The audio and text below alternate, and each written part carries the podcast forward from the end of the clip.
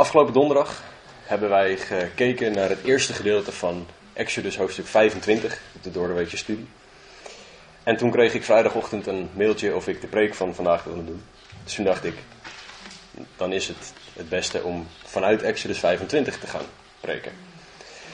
Alleen dat liep allemaal iets anders dan ik had verwacht. We beginnen in Exodus 25 en daarna gaan we zo'n beetje de rest van de Bijbel door. Ehm, ik, ja, ik vond mezelf heel grappig toen ik de titel voor deze preek bedacht. Ehm, dat is namelijk Gods dekselse barmhartigheid. En daar komen jullie wel achter waarom ik dat zo grappig vond. Ehm, in het hoofdstuk voor Exodus 25 laat God zichzelf zien. God laat zichzelf zien aan de oudsten van Israël. Hij laat zichzelf zien aan Mozes. Hij laat zichzelf zien aan Aaron. Hij laat zichzelf zien aan Jozua. En God wilde dat het volk bij hem kon komen. Want op het moment dat hij dit allemaal gaf, kon alleen Mozes naar boven. Boven naar eh, Gods aanwezigheid. En God gaat nu instellen dat Mozes niet meer elke keer die berg op hoeft. Maar dat uh, ze een ark van God gaan krijgen. Waar de aanwezigheid van God zal zijn. Waar ze God kunnen ontmoeten. Laten we gaan lezen hoe, wat, voor bouwtekening, zoals Martien dat donderdag zo mooi noemde, God geeft. Um, in Exodus 25, vers 10 tot en met 22. God zegt, ook moeten zij een ark van acaciahout maken. Zijn lengte moet 2,5 L zijn, zijn breedte 1,5 L en zijn hoogte 1,5 L. U moet hem met zuiver goud overtrekken. Van binnen en van buiten moet u hem overtrekken en er aan de bovenkant een gouden rand omheen maken. Dan moet u er vier gouden ringen voor gieten en die aan zijn vier voetstukken bevestigen. Namelijk twee ringen aan de ene kant en twee ringen aan de andere kant ervan. Vervolgens moet u draagbomen van acaciahout maken en die overtrekken met goud. Dan moet u de draagbomen door de ringen steken aan weerskanten van de ark om de ark daarmee te dragen. De draagbomen moeten in de ringen van de ark blijven. Ze mogen er niet uitgetrokken worden. Vervolgens moet u in de ark de getuigenissen leggen die ik u geven zal. Dan moet u een verzoendeksel van zuiver goud maken. Zijn lengte 2,5 L en zijn breedte 1,5 L. Vervolgens moet u twee gerubs van goud maken. Als gedreven werk moet u ze maken. Aan de beide uiteinden van het verzoendeksel. Maak, aan één gerub, sorry, maak één gerub aan het uiteinde van de ene kant en één gerub aan het uiteinde van de andere kant. Als één geheel met het verzoendeksel moet u de gerubs maken aan de beide uiteinden ervan. De gerubs moeten hun beide vleugels naar boven uitgespreid houden, terwijl ze met hun vleugels het verzoendeksel bedekken en hun gezicht, gezichten naar elkaar toegericht zijn. De gezichten van de gerubs moeten naar het verzoendeksel gericht zijn. Vervolgens moet u het verzoendeksel op de ark leggen en in de ark moet u de getuigenis leggen die ik u geven zal. Dan zal ik u daar ontmoeten en van boven het verzoendeksel, van tussen de twee gerubs die zich op de ark van de getuigenis zullen bevinden, zal ik met u spreken over alles wat ik u voor de Israëlieten gebieden zal. Tot zover. Wat dit stuk is, is inderdaad gewoon een bouwtekening op het eerste gezicht. Een bouwtekening, zoals vers 22 zegt, die God wil gebruiken om Israël te ontmoeten. De bouwtekening begint hier over een ark, hierna komt er een tafel, een gouden kandelaar. Ehm, maar uiteindelijk het hele heiligdom waar God ontmoet wil worden. Maar wat heel belangrijk is, is dat het God hier niet ging om een bouwtekening. Of om een doos die gemaakt moest worden die met goud overtrokken was en een deksel erop had. God is hier bezig om aan te geven hoe hij met zijn volk omgaat. God geeft aan hoe hij zijn volk ziet. En daarmee geeft hij aan dat hij ons kent. Het mooie aan God is dat hij wist dat Israël fouten zou gaan maken. Hij wist dat Israël gewoon alles zou verknoeien. Dat wist hij van tevoren, hij is alwetend. En dus begon hij met de Ark des Verbonds. Want het deksel van de Ark des Verbonds is een verzoendeksel. En het woord voor verzoendeksel, dat heeft in het Hebreeuws een veel grotere betekenis dan wat wij verzoendeksel noemen. In het Engels vind ik het mooier, daar heet het mercy seat, de barmhartigheidszetel van God. En deze barmhartigheidszetel wordt in Leviticus 16 aangegeven als de plek waar de hoge priester bloed op moet sprenkelen om de zonde van Israël van het afgelopen jaar te bedekken, te vergeven. Maar de barmhartigheidszetel is niet alleen voor Israël, want de ark is er niet meer. We weten niet waar die is, hij is waarschijnlijk vernietigd ergens. We weten niet waar die is. Maar toch kunnen wij nog steeds naar Gods barmhartigheidszetel toe gaan. Hebreeën 9 legt uit dat wat God in Exodus hier opdraagt, dat het een tijdelijk iets was. Hebreeën 9 vers 8 zegt namelijk, zolang de eerste tabernakel nog in gebruik was, moest dit zo gaan. Maar de eerste tabernakel is niet meer in gebruik. God heeft het nu, wil, God is dezelfde nog steeds, maar hij wil dat wij op een andere manier bij zijn barmhartigheid komen. Nog steeds kunnen wij dus van Gods barmhartigheid genieten. En barmhartigheid, dat is een thema waar de Bijbel vol mee staat. Het is een woord dat ik niet dagelijks gebruik. Als, we, ik eenmaal aan het werk ben, dat ik bij de koffieautomaat ga staan en zeg... En, wat hebben jullie voor barmhartige dingen gedaan vandaag? Dat zal niet heel snel naar voren komen. Maar de Bijbel staat er vol mee. De Bijbel raakt niet uitgesproken over Gods barmhartigheid. En ik denk dat dat is omdat God wil, één, dat wij weten hoe bijzonder het is.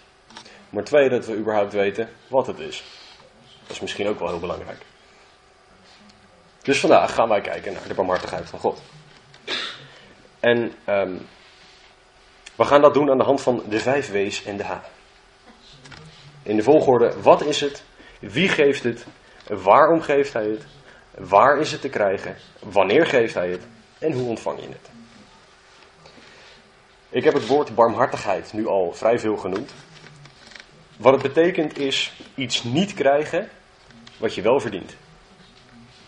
Nogmaals, iets niet krijgen wat je wel verdient. Vaak worden de woorden genade en barmhartigheid door christenen gebruikt alsof het hetzelfde is. Gewoon, het is hetzelfde, denken we dan en zo praten we erover. Genade is iets krijgen wat je niet verdient. En barmhartigheid is iets niet krijgen wat je wel verdient. Volgen jullie het nog? Ik heb een heel mooi citaat erover. Barmhartigheid en genade worden het beste weergegeven in de redding die beschikbaar is door Jezus Christus. We verdienen veroordeeld te worden, maar als we Jezus Christus als verlosser aannemen, ontvangen we barmhartigheid van God en worden we bevrijd van het oordeel. In de plaats van het oordeel ontvangen we door Gods genade Gods redding. Vergeving van zonde, overvloedig leven en een eeuwigheid in de hemel, wat de allermooiste plek is die je je maar kan voorstellen. Dat maakte het voor mij wel iets duidelijker. Het begint met Gods barmhartigheid. Daardoor worden wij niet veroordeeld. En door Gods genade kunnen we dan gered worden. Oh, snappen jullie nog? Moet ik hem opnieuw uitleggen? Of niet? Oké. Prediker 7 vers 20 zegt, voorzeker, er is geen mens rechtvaardig op de aarde die goed doet en niet zondigt. Dus iedereen zondigt. En Romeinen 6 vers 23 geeft aan wat het gevolg is van de zonde. Het loon van de zonde is de dood. Zo, dat is het beginpunt. Dat is waar jij staat, dat is waar ik sta. Ik verdien gestraft te worden. Jij verdient gestraft te worden voor de dingen die je doet. Gods barmhartigheid voor mij is dat ik die straf niet krijg. Op het moment dat ik mezelf aan Hem overgeef. In Exodus begint God hier met verzoening. Hij geeft de ark des verbonds als eerste, met daarop het verzoendeksel. God is oordeel. Ja, dat klopt. God is rechtvaardigheid. Klopt. Maar God geeft ook de keuzemogelijkheid met een nadruk de keuzemogelijkheid voor barmhartigheid. God kan het als een soort worst voor je neus houden. Zolang jij er niet voor kiest, heb je het niet. Zolang je het niet pakt, heb je het niet. En God gaf Israël de keuze en de mogelijkheid tot barmhartigheid door te doen wat hij deed, door het in te stellen. Hij gaf Israël de mogelijkheid om hun straf op een onschuldig bok te leggen. Kan je allemaal lezen in Leviticus 16 als je het precies wil weten. In ons geval is Jezus Christus gekomen om al onze zonden op zich te nemen. En als een perfect mens de straf te dragen die jij had verdiend en die ik had verdiend. Dat is Gods barmhartigheid. Dat is wat God te bieden heeft, wat hij jou aanbiedt. Maar dat is nog maar het begin, gelukkig, van wat God aanbiedt. Maar het mooie is dat God de mens kent en weet dat het nodig is om de mogelijkheid tot barmhartigheid in te stellen. En God geeft deze barmhartigheid omdat hij zelf zegt in Jacobus 2:13, barmhartigheid triomfeert over het oordeel. Ik denk niet dat het tussen aanhalingstekens toeval is dat, een, dat het barmhartigheidsdeksel of de verzoendeksel, dat het een deksel was. Ik zal uitleggen waarom ik dat zeg. In de kist lagen de tien geboden, of horen de tien geboden te liggen. Maar wat de wet kan overwinnen, is wat er bovenop zit. Namelijk Gods barmhartigheid. Gods liefde voor ons, waarmee Hij barmhartigheid gaf. Dat kan de wet afdekken. Dat is wat God geeft. En dat heeft niks te maken met wie jij bent. Omdat jij goed bent dat God het geeft. Of omdat jij iets gedaan hebt. Of omdat ik iets gedaan heb. God geeft het. Omdat hij barmhartig is. 1 Petrus 1.3 zegt. Geprezen zij de God en Vader van onze Heer Jezus Christus. Die ons overeenkomstig zijn grote barmhartigheid opnieuw geboren deed worden tot een levende hoop door de opstanding van Jezus Christus uit de doden. Dat is wat Jezus gedaan heeft. Hij is voor jou gestorven en opgestaan uit de dood, zodat wij het oordeel niet hoefden te krijgen wat we wel verdienden. Dat is wat Gods barmhartigheid is en dat is waar we het vandaag over hebben. Ik weet dat voor heel veel van jullie dit misschien allemaal herhaling en herhaling en dit weet ik al en dit weet ik al, maar weet je het echt? Weet je echt wat Gods barmhartigheid is? Hoe bijzonder het is dat wij dat kunnen krijgen van God. God had ook kunnen zeggen: Je hebt het geprobeerd, het is niet gelukt. Jammer. Had God kunnen zeggen. God gaf barmhartigheid. Dat is wie God is. We hebben nu gehad wat barmhartigheid is. Dan gaan we nu kijken naar wie het geeft. Ik heb het eigenlijk al beantwoord, maar om er nog wat bijbelteksten tegenaan te gooien. Lucas 6, 36. Wees dan barmhartig, zegt Jezus, zoals ook uw vader barmhartig is. En vader met een hoofdletter. Jezus zegt dat God barmhartig is. Exodus 33, 19. God zegt, ik schenk genade aan wie ik genade wil schenken. En ik ben barmhartig voor wie ik barmhartig wil zijn. Dat is God. God is degene die barmhartigheid geeft. En het is niet zo dat God zijn ogen dicht doet en zegt: Ik wil jullie hebben. Jullie krijgen barmhartigheid en jullie niet. Haha, zo is God niet. 1 Timotheus 2 zegt dat God wil dat alle mensen tot geloof komen. Dus hij houdt het iedereen voor. Iedereen krijgt de keuzemogelijkheid tot barmhartigheid van God. En het is ook maar goed dat God degene is die de barmhartigheid geeft. Als ik daar had gezeten, even ervan uitgaande dat ik God zou zijn, ik zou nooit genoeg geduld gehad hebben. No way. Ik zou na twee minuten al zoiets hebben. Nou jongens, ik ben het wel zat. Jullie doen het hele tijd fout. Ik stop ermee. Malachi 3:6. Want ik, de Heere, ben niet veranderd. God zegt daarna in Malachi. En dat is maar goed ook voor jullie, Jacob. Of want hij spreekt het tegen Israël. Anders waren jullie er niet meer. God verandert niet. God blijft zijn barmhartigheid aanbieden. En dat zal hij blijven doen tot de dag van het oordeel. Alleen de vraag is, wat doe je ermee?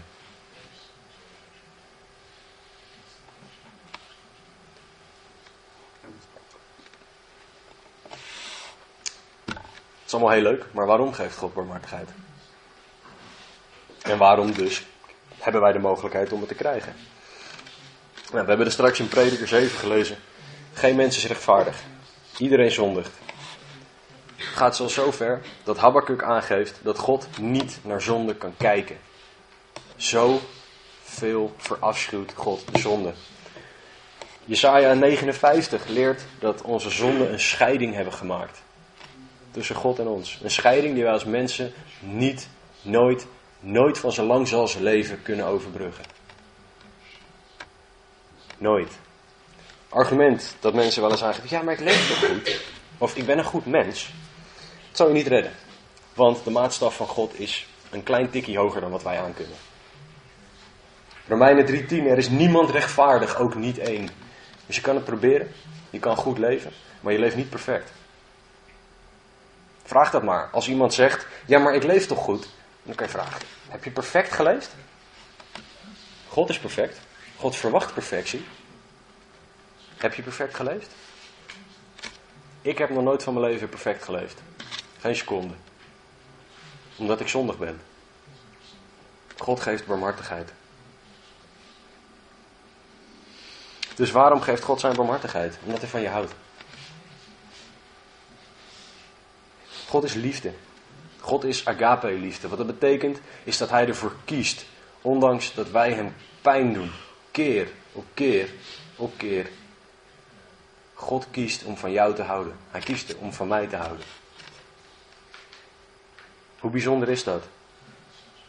En het rare is, of het rare, het, het prachtige is, wij veroorzaken een probleem, namelijk zonde. En God doet zijn best om het voor ons op te ruimen. Hoeveel liefde is dat wel niet?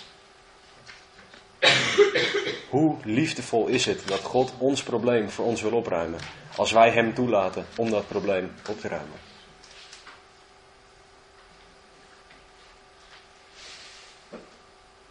God heeft ervoor gekozen om jou zo lief te hebben. Daarom het bekendste vers uit de Bijbel. Johannes 3, 16. Zo lief heeft God de wereld gehad dat hij zijn enige geboren zoon gegeven heeft. Opdat ieder die in hem gelooft niet verloren gaat, maar eeuwig leven heeft. Zoveel heeft God jou lief.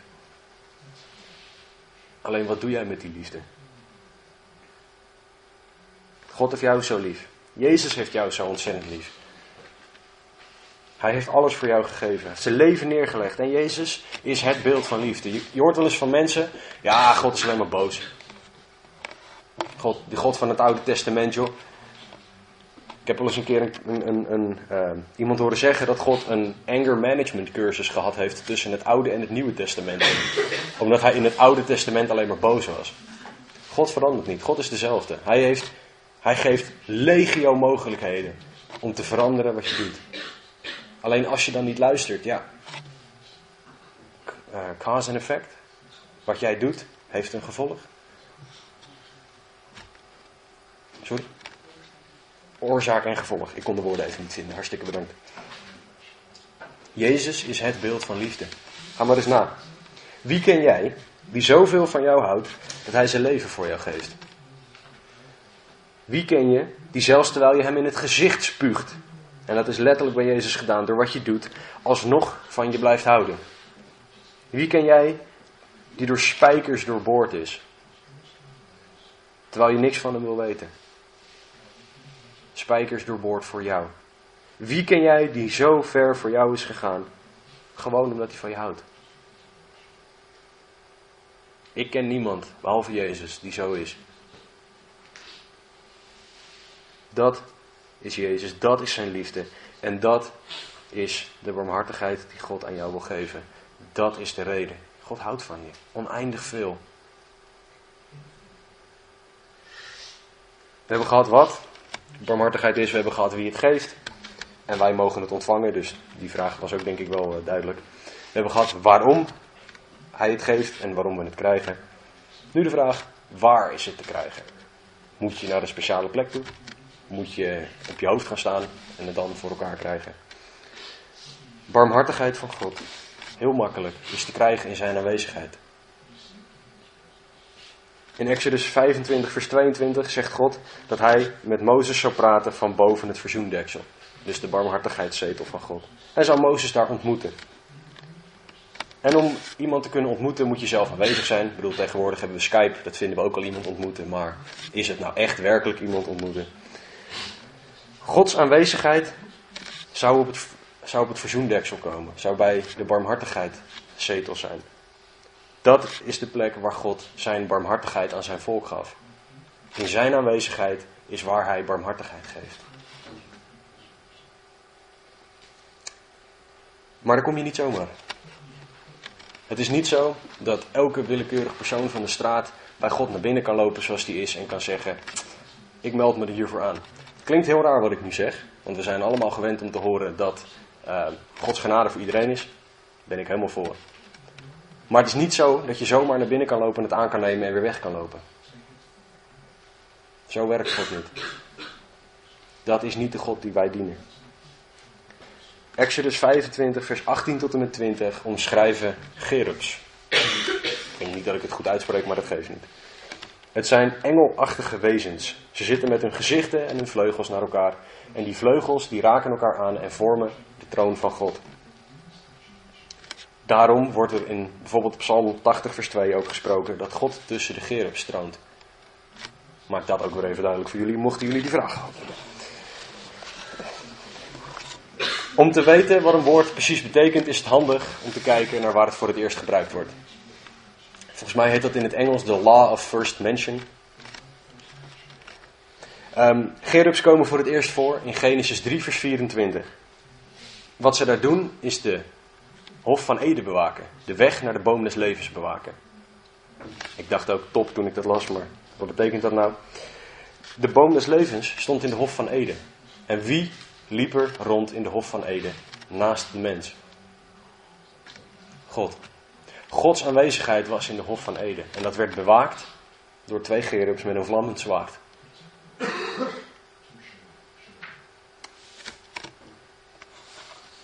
De gerubs bewaken de plek van Gods aanwezigheid. Dus in het verlengde daarvan bewaken de gerubs in Exodus 25 Gods barmhartigheid.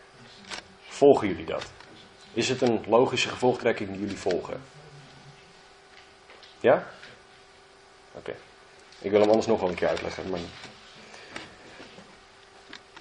De enige manier om bij Gods aanwezigheid te komen en dus om bij zijn barmhartigheid te komen, is volgens Openbaring 22:14 zalig zijn zij die zijn geboden doen, zodat zij recht hebben op de boom des levens en dat zij de poorten, door de poorten de stad mogen binnengaan. De boom des levens is waar Gods aanwezigheid is. Dat is Jezus, dat is de aanwezigheid van God in zijn volle glorie. En die wordt beschermd door gerubs. Die wordt beschermd door engelen. Volgen jullie het nog? Geef het aan als het, als het niet te volgen is, hè, alsjeblieft.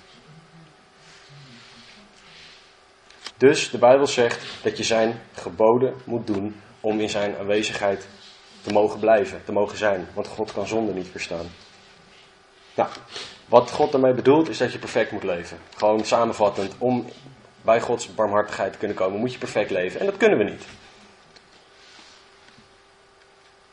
We zijn mensen. Ik ben geen haar beter dan jij. Jij bent geen haar beter dan ik. Geen mens kan aan de standaard van God voldoen. Lekker opbeurende preek zo, hè? Niemand komt in aanwezigheid van God. Niemand komt bij de barmhartigheid van God. Tenminste, niet vanuit jezelf. En dat is waar Gods barmhartigheid echt vol, in volle glorie om de hoek komt kijken. In Hebreeën 9 wordt de situatie omschreven van hoe het was met de eerste tabernakel. Daar hebben we al een vers over gelezen. En dan komt er in Hebreeën 9 vers 11 een prachtige ommekeer. Maar toen is Christus verschenen. Maar toen is Christus verschenen, de hoge priester van de toekomstige heilsgoederen. Hij is door de meerdere en meer volmaakte tabernakel gegaan, die niet met handen is gemaakt. Dat is, die niet van deze schepping is.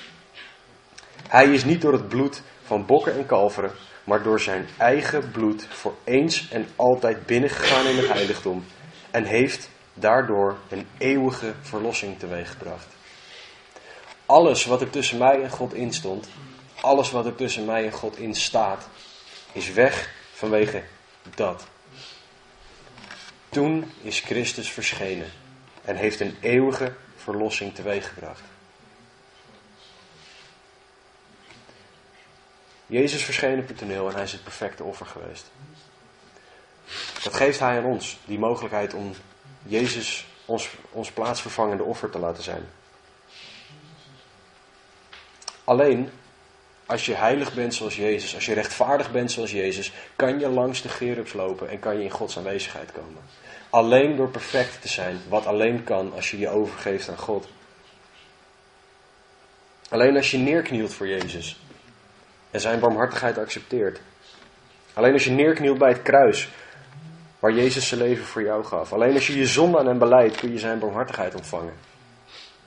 Alleen als je erkent dat je hem nodig hebt, dan zal je ontvangen wat hij voor je heeft.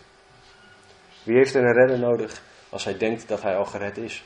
Of wie heeft een redder nodig als hij niet weet dat hij gered moet worden? Je moet je beseffen dat je het niet kan. Dat Jezus het voor jou kan. En dan kan je zijn barmhartigheid ontvangen. Maar wanneer geeft God deze barmhartigheid? Jezus geeft dat aan in Matthäus 5, vers 3 en 4. De zaligsprekingen. Jezus geeft hier aan wat de toestand is van een persoon die open staat om Gods barmhartigheid te ontvangen.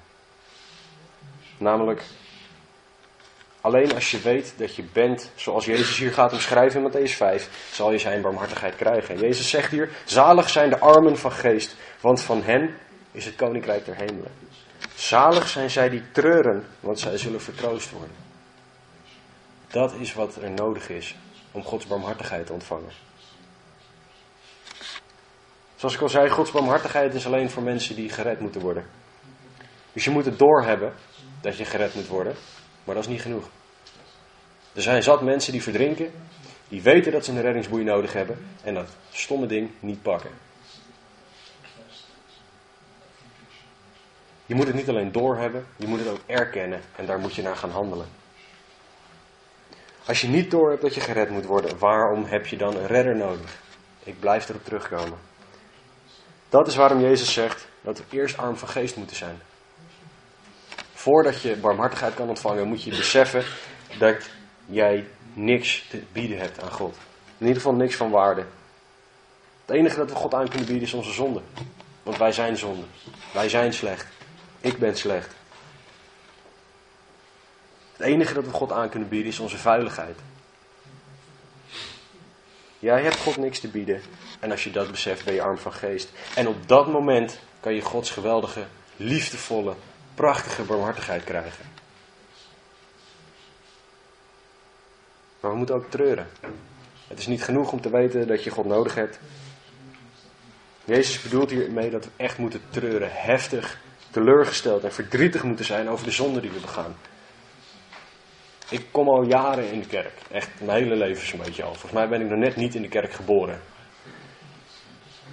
Maar ik ben, wel, ik ben heel vaak uit het oog verloren hoe bijzonder het is dat mijn zonden vergeven zijn.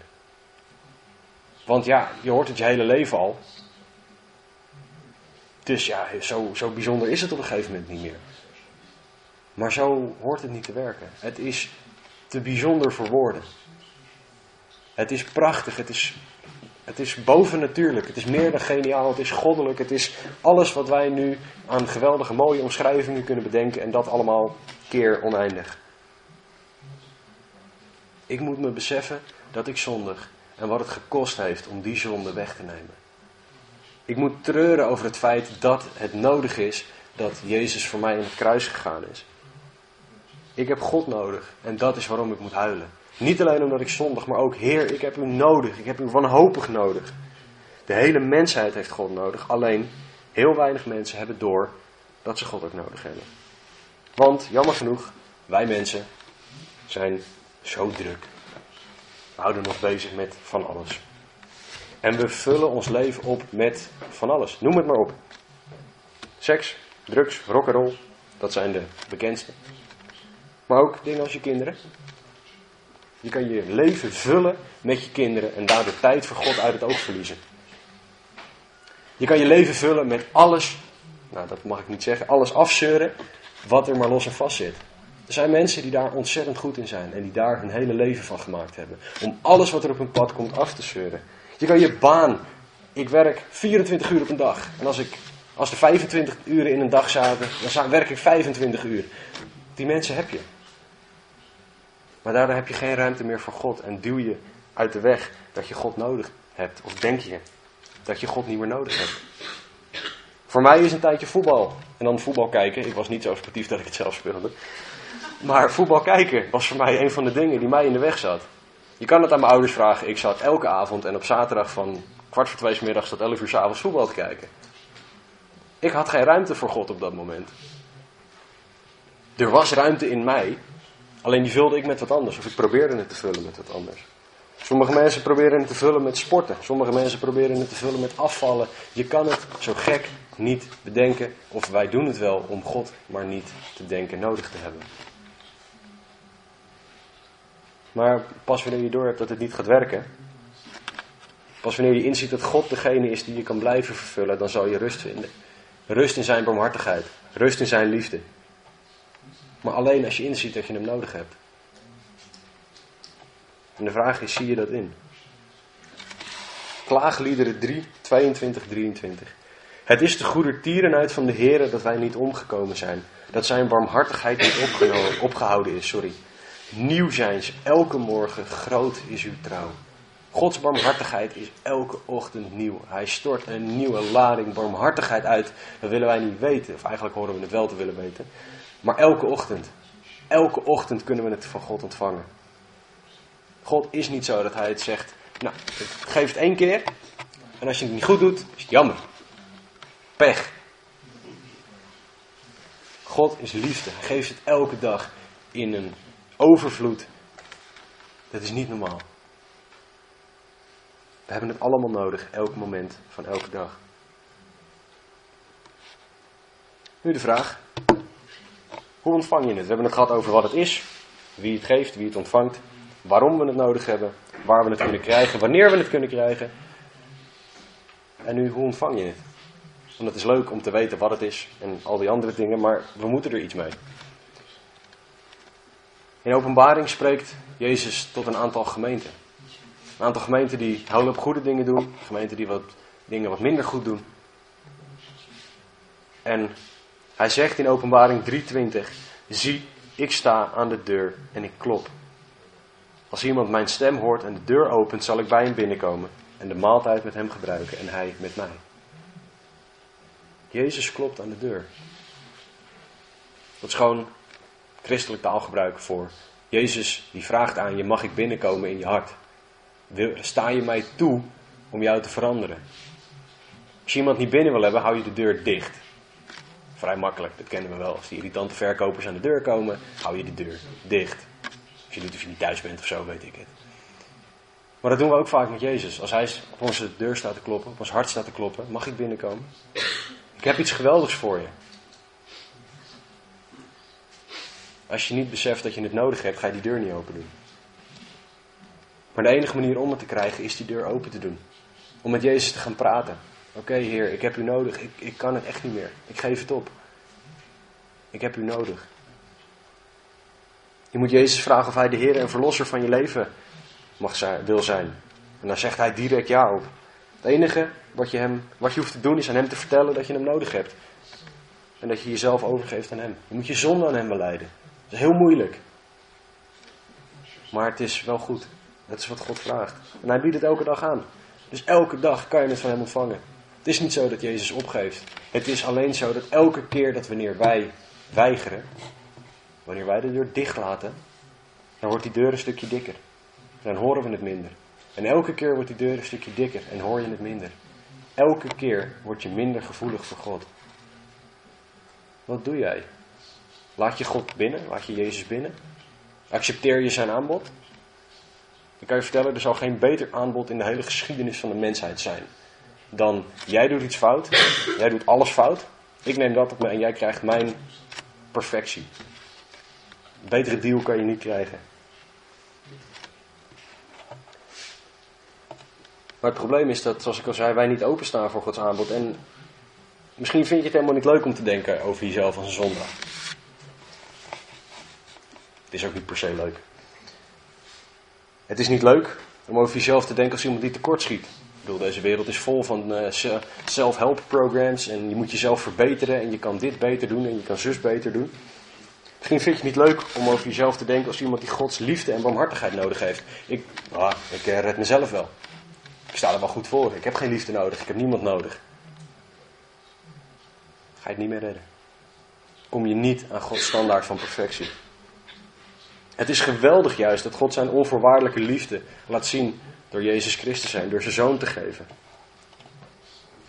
Het is geweldig dat God weet hoe wij zijn, wie wij zijn, wat we doen. Ga zo maar door en toch houdt Hij van jou.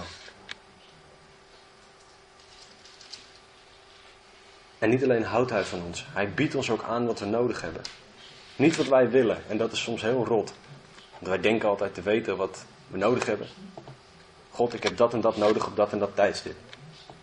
En dan zegt ja, dat heb je allemaal niet nodig en ook allemaal niet op dat tijdstip. Vertrouw je God dat Hij geeft wat je nodig hebt. Geef jezelf over.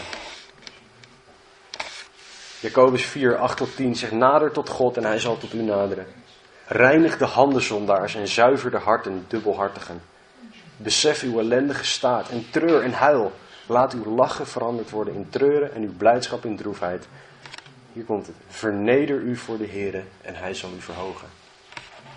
Als jij de belangrijkste in jouw leven bent, als iets of iemand de belangrijkste is in jouw leven, heb je jezelf nog niet vernederd voor God.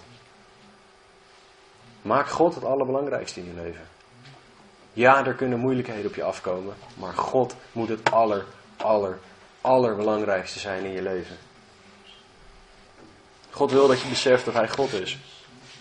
Klinkt misschien heel stom, maar Hij wil dat je beseft dat Hij God is. En dat jij je onderwerpt aan Hem. Dat is wat Hij wil. God wil dat je dat vrijwillig doet ook.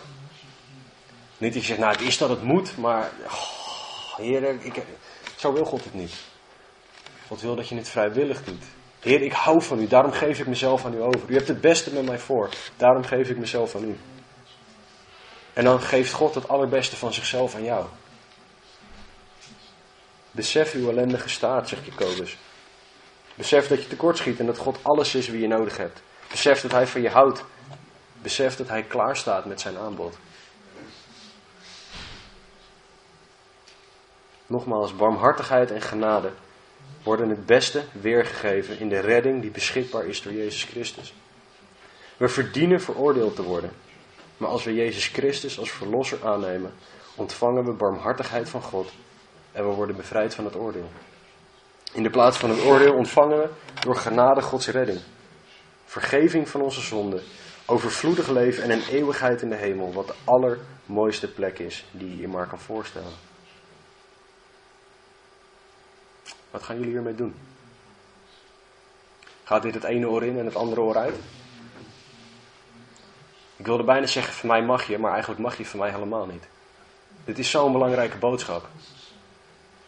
Gods barmhartigheid is zoveel belangrijker dan dat wij met z'n allen hier kunnen bevatten.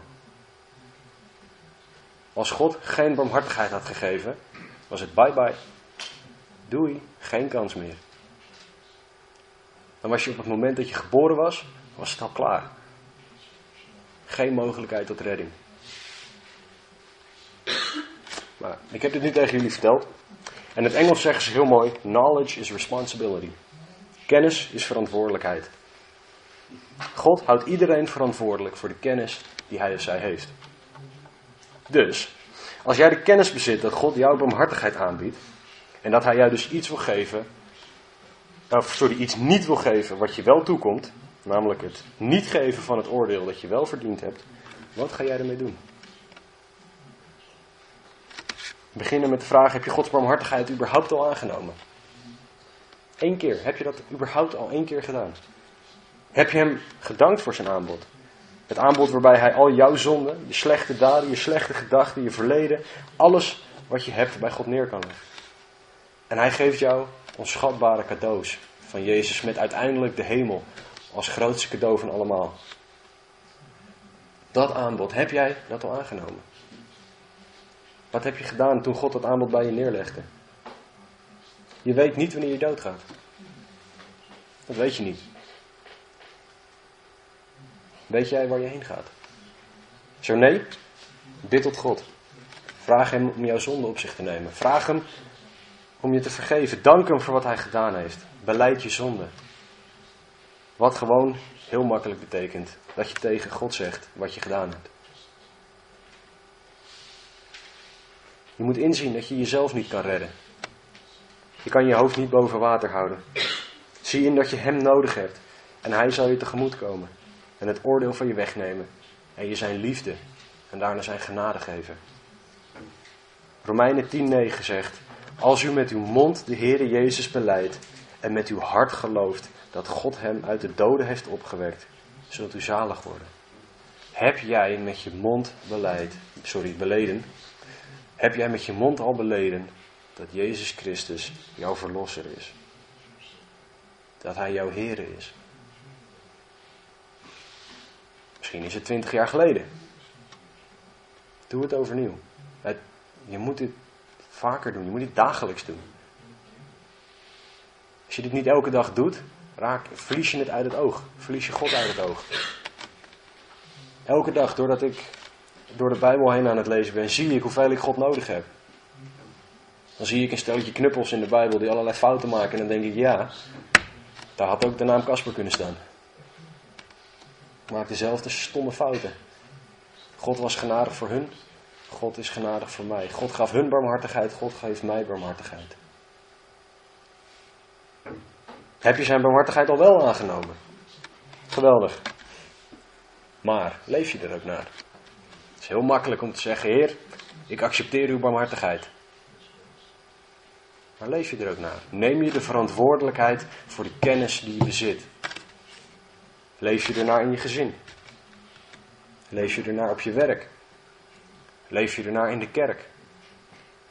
Ga maar door. Met alle mensen die je tegenkomt, leef jij Gods barmhartigheid. Als iemand boos wordt op jou, geef je hem dan boosheid terug? Als iemand een rot opmerking tegen je maakt, geef je hem dan zo'n lekker snijdende, cynische opmerking terug? Ik was daar vroeger koning in, vraag maar aan Tati. Nee, maar Gods barmhartigheid zou je ertoe moeten dwingen om je mond te houden en alleen maar liefde te geven. Alleen maar genade aan de ander te geven. Om de ander iets niet te geven wat hij misschien wel verdient. Doe jij dat? En ja, dat is een vraag die ik heel graag wil dat jullie die voor jezelf gaan beantwoorden. Geef jij anderen net zoveel barmhartigheid als dat je zelf gekregen hebt? Leef jij naar de maatstaf die God voor jou heeft? Blijf je vastzitten op de plek waar je nu bent? Lekker vasthouden aan zonde, is lekker makkelijk. Of aan het verleden? Of aan andere dingen die God uit je leven weg wil nemen? Wat zijn de dingen die jij vasthoudt?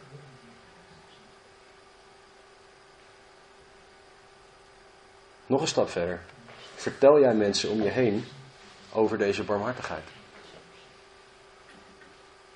Vertel jij aan de mensen om jou heen dat er een oordeel op hen staat te wachten? En dat God barmhartigheid heeft gegeven waardoor ze dat oordeel kunnen ontlopen? In zijn liefde heeft God deze barmhartigheid aan ons gegeven. Hij wil dat wij diezelfde liefde laten zien aan de mensen om ons heen. Doe jij dat? Ik moet mezelf deze vragen ook stellen. Dit zijn niet vragen die, waarvoor ik immuun ben of zo. Doe ik dit? Vertel ik aan mensen om mij heen wie God is?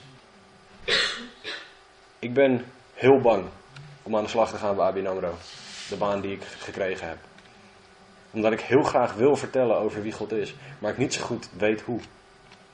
Bij HP is dat mij soort van fataal geworden. Hebben ze me daarom zo'n beetje eruit gegooid. Dat zullen ze nooit zeggen, dat mag niet.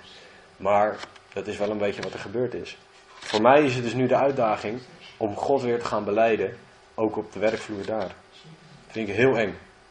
Want ik wil graag een huis gaan kopen samen met Amit. Zonder baan wordt dat vrij lastig, want 5 euro accepteren ze niet voor een huis.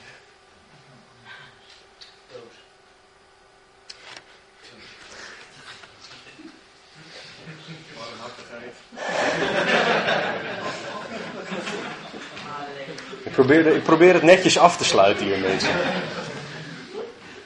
Maar delen jullie met mensen, met vrienden, met familie, met die vervelende persoon die je altijd tegenkomt. Met die rottige buurman die altijd maar vervelend is, die te veel lawaai maakt. Over wie God is. Over Gods barmhartigheid. Over Gods liefde. En dat kan je gewoon ook aan God vragen. Heer, laat me alsjeblieft zien wat deze barmhartigheid is. Meer en meer. En leer me alsjeblieft om het uit te delen. Alleen, als je dat God vraagt, wees dan ook bereid om het te doen. Als God je dan de mogelijkheid geeft, ga dan niet, ja Heer, ik wil alsjeblieft die, die, die, die en die bevestiging, voordat ik op dit moment nu dat ga doen. Zo eentje ben ik dit. Heer, ik wil die bevestiging, anders doe ik het niet. Is dit het wel, Heer? Stan zei volgens mij vorige week of twee weken geleden, of het nou gelegen of niet gelegen is, doe het gewoon. En ik denk dat dat de uitdaging is. We hebben heel veel gelezen, gehoord.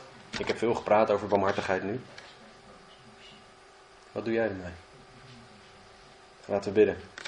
Vader God, we willen u danken voor uw barmhartigheid. Danken dat u ons van alles gegeven hebt. En dat u ons ook allerlei dingen niet gegeven hebt die ons juist hartstikke toekomen. Vader, dank u wel voor uw genade, dat u ons geeft wat wij niet verdienen. Maar dank u wel ook echt zoveel dat we niet krijgen wat we wel verdienen, namelijk de eeuwige dood. Vader, dank u wel dat we dicht bij u mogen komen. Dank u wel dat u de weg vrijgemaakt hebt die wij nooit vrij konden maken zelf. Vader God, ik bid u dat en ieder die hier zit, u groot zal maken. Uw barmhartigheid uit zal delen. Heere God, ik bid u dat iedereen die hier weggaat, uw barmhartigheid aan de hele wereld zal willen laten zien. En vader, dat het niet uitmaakt wat de gevolgen zijn. Vader God, ik bid u dat we vervuld mogen zijn met uw barmhartigheid, met uw genade, met uw liefde, met alle prachtige dingen die we van u krijgen. En help ons alstublieft om het te leven in ons gezin. Om het te leven op ons werk. Bij de familieleden, bij de vrienden, bij de collega's, wat dan ook, vader, waar u ons ook geplaatst hebt. Help ons alstublieft om uw barmhartigheid te leven naar de mensen om ons heen. Vader God, we willen u gewoon vragen om ons kracht te geven, vader, waar we dat nodig hebben. Help ons alsjeblieft om onszelf over te geven waar we dat misschien nog moeten doen. Help ons alsjeblieft om uw barmhartigheid te accepteren als we dat misschien nog nooit gedaan hebben. Of als we dat opnieuw moeten doen. Laat niemand van ons denken dat we te goed zijn of dat wij te min zijn om uw barmhartigheid voor het eerst of nog een keer te accepteren.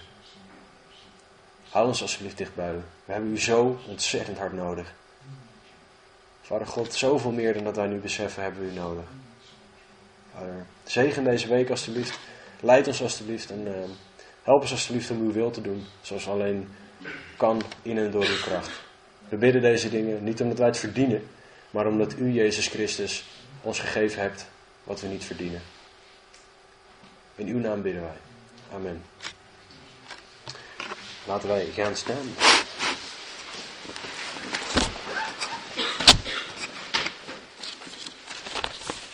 Ik wil een stukje met jullie lezen uit Hebreeën 4. Ik, ik vind het echt een prachtig stuk.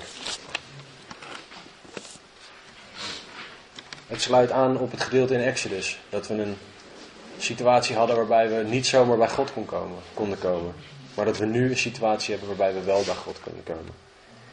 Hebreeën 4, vers 14 tot en met 16. Nu wij dan een grote hoge priester hebben, die in de hemel is doorgegaan, namelijk Jezus, de Zoon van God, laten wij aan deze beleidenis vasthouden. Want wij hebben geen hoge priester die geen medelijden kan hebben met onze zwakheden, maar één die in alles op dezelfde wijze als wij is verzocht, maar zonder zonde.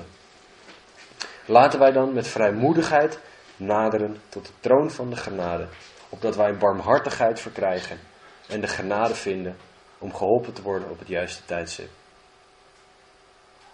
Dat is wat ik jullie toewens. Gods barmhartigheid, Gods genade om jullie te helpen op het juiste tijdstip deze week. Wees lief voor elkaar in Gods genade, in Gods barmhartigheid. En ga uit en vertel iedereen over wie Jezus is. Amen.